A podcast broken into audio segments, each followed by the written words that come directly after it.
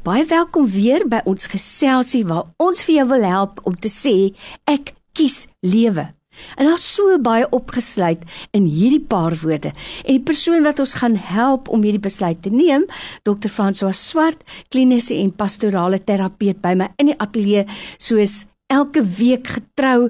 Baie dankie vir jou tyd vandag, baie welkom. Dankie Lorraine. Nou 'n kwessie wat regtig waar eintlik in die skadu staan. Mense praat nie sommer daaroor nie.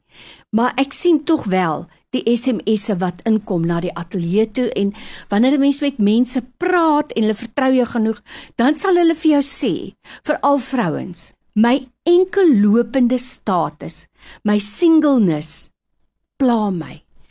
Ek wil so graag 'n huweliksmaat hê. En jy weet, 'n vrou kan nie nou net uitgaan en begin rondvra na mans nie. Ons weet mos nou, ons samelewing werk nie so nie. Maar wat maak jy nou? Jy is enkel lopend en jy bid vir die Here en tog gaan die tyd verby en die tyd gaan verby. Dis 'n groot probleem. Ook vir mans het ek agtergekom, daar's ook maar baie mense wat skugter is en en skaam en ook maar bang is, nê, om die eerste tree te gee. Hoe pak ek nou my enkellopende status aan? Waar begin ek? Lorraine, baie dankie. Ek dink jy het 'n baie goeie inleiding gegee rondom 'n baie aktuële onderwerp. En ons is geneig rondom hierdie ding om grappies te maak. Ag, gaan jy nou ou jong nooi word en en dit is 'n seer onderwerp wat ons vandag hier hanteer. Mense uh, en veral jy's heeltemal reg die navorsing sê dit ook uh, ons vrouens sukkel meer met 'n uh, enkel status dat jy 'n enkel loper is. En die rede is, is omdat daar minder mans as vrouens is. Die demografiese se verspreiding. Mans oor die algemeen is meer mense wat kansse vat, hulle sterf vroeër en daarom in die bevolking self is daar dus te min mans. Dan ek dink 'n belangrike ander ding wat ons moet sê, dit gaan oor identiteit en ons vrouens veral se identiteit gaan baie keer op in hulle mans en die feit dat hulle graag 'n mamma wil word. Mm. Hulle wil kinders hê en ook daardie wonderlike voorreg wil hulle ervaar. En nou is dit nie vir hulle beskore nie. En daar's niks met hulle fout nie. En baie keer begin hierdie vrouens dink, maar daar moet iets fout wees of mans wat enkel lopend is. Die belangrike ding is dat 'n mens veral hier van 25 as jy voel jy sukkel om regtig maats te ontmoet, want ons weet vrouens het ook 'n beperkte periode om kinders te mm. te kan kry dat jy dalk met iemand in gesprek begin tree en dan is daar 'n paar opsies. 'n Mens moet tog net nie in jou kamer bly sit nie. Jy moet uitkom, jy moet deel word van jou geloofsgemeenskap. Jy moet mense ontmoet, jy moet vrywillige werk gaan doen by plekke. Jy kan vrywillige diens by hierdie parkrans gaan doen uh en daar ontmoet jy uh teenoorgestelde geslag mense en vriende uh met wie jy moontlik op pad kan gaan as 'n permanente lewensmaat.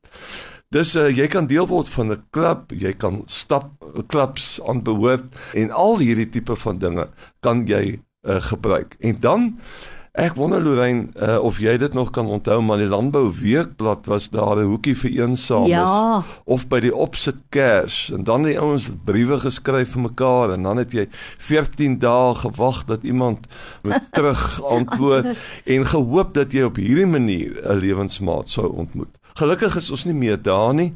Ons het uh, die internet, daar is sosiale platforms waar jy ook mense kan ontmoet. Mense moet baie versigtig ja, wees ja, vir ja. die platforms.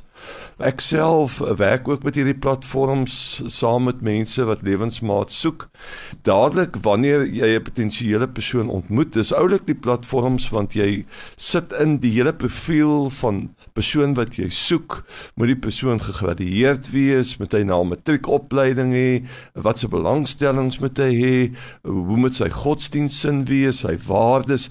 Dis daar word 'n hele vraelys ingevul en dan word daar 'n passing gedoen en jy kan dan 6 of 5 name kry en jy kan eers video WhatsApp call met mekaar en dan in 'n neutrale plek miskien ontmoet maar die belangrike ding wat ons doen dan in hierdie prosesse Ons sit die verhouding van die begin af onder supervisie van 'n derde persoon wat persoonlikheidstoetse verder doen en wow. en wat dadelik begin om met die persone in 'n gesprek te tree en te kyk of die passing gaan werk of nie.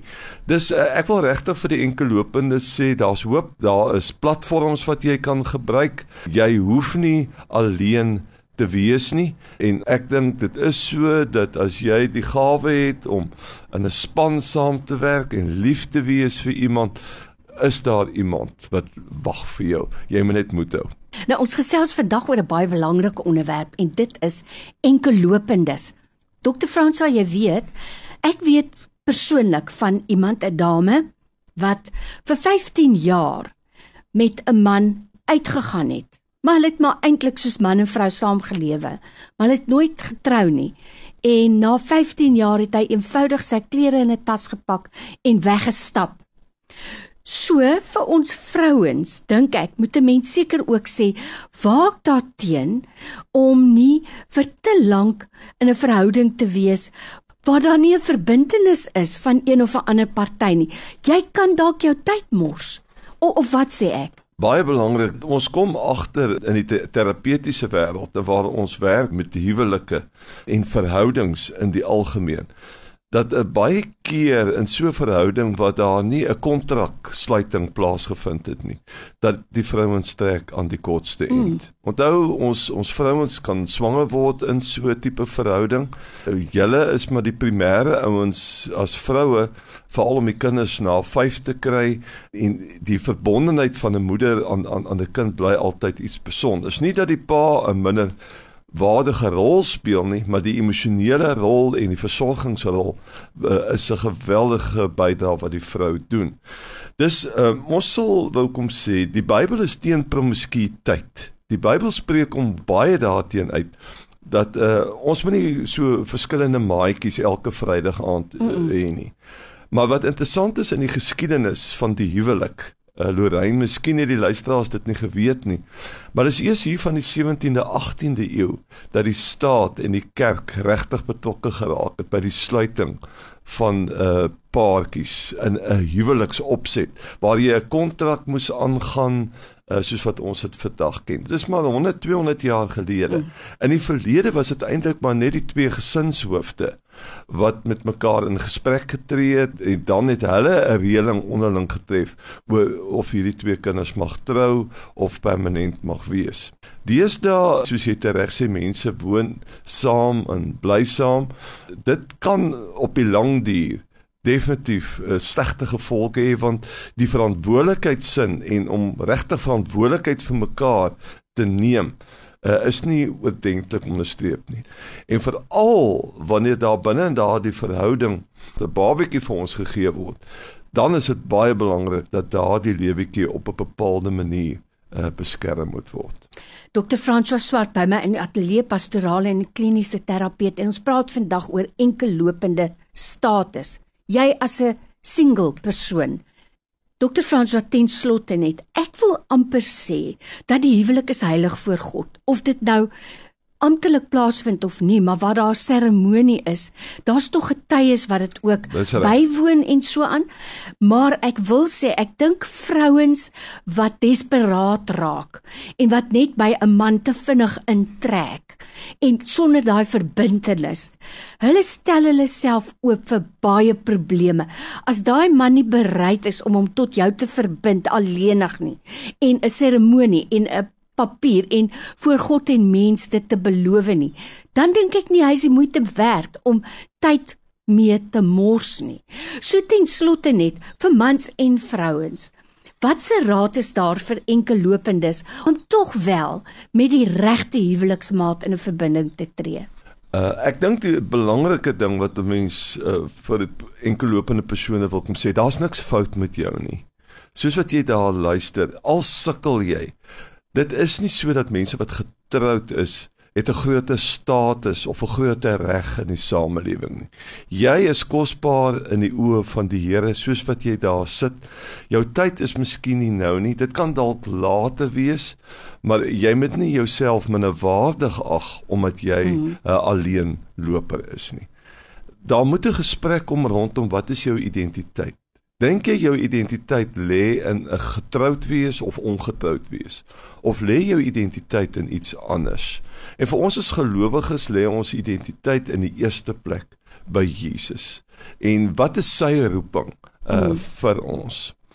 Ek dink ons moet ons moet baie empaties met enkellopende persone wat soekend is uh, mee werk en in 'n gesprek met hulle tree en en saam as te ware ook vir hulle na lewensmaat soek. Ons het nou van elektroniese platforms gepraat, daar's kerkgemeenskappe en ons moet versigtig wees met die soort van grappies wat ons ook ja. rondom hierdie onderwerp maak. Ek hou van die woorde wat jy altyd gebruik. Ons moet met sagte oë na mekaar kyk. Vir jou tyd vandag weer Dr. François baie dankie en ek glo dit alles help vir ons om uiteindelik te sê ek kies lewe. Baie dankie. Dankie Lewin. Onthou as jy 'n vraag het, stuur dit vir my met 'n SMS na 32716. Dit kos vir jou 'n rand of so nie, kan jy vir my 'n WhatsApp of 'n Telegram stuur na 0824104104.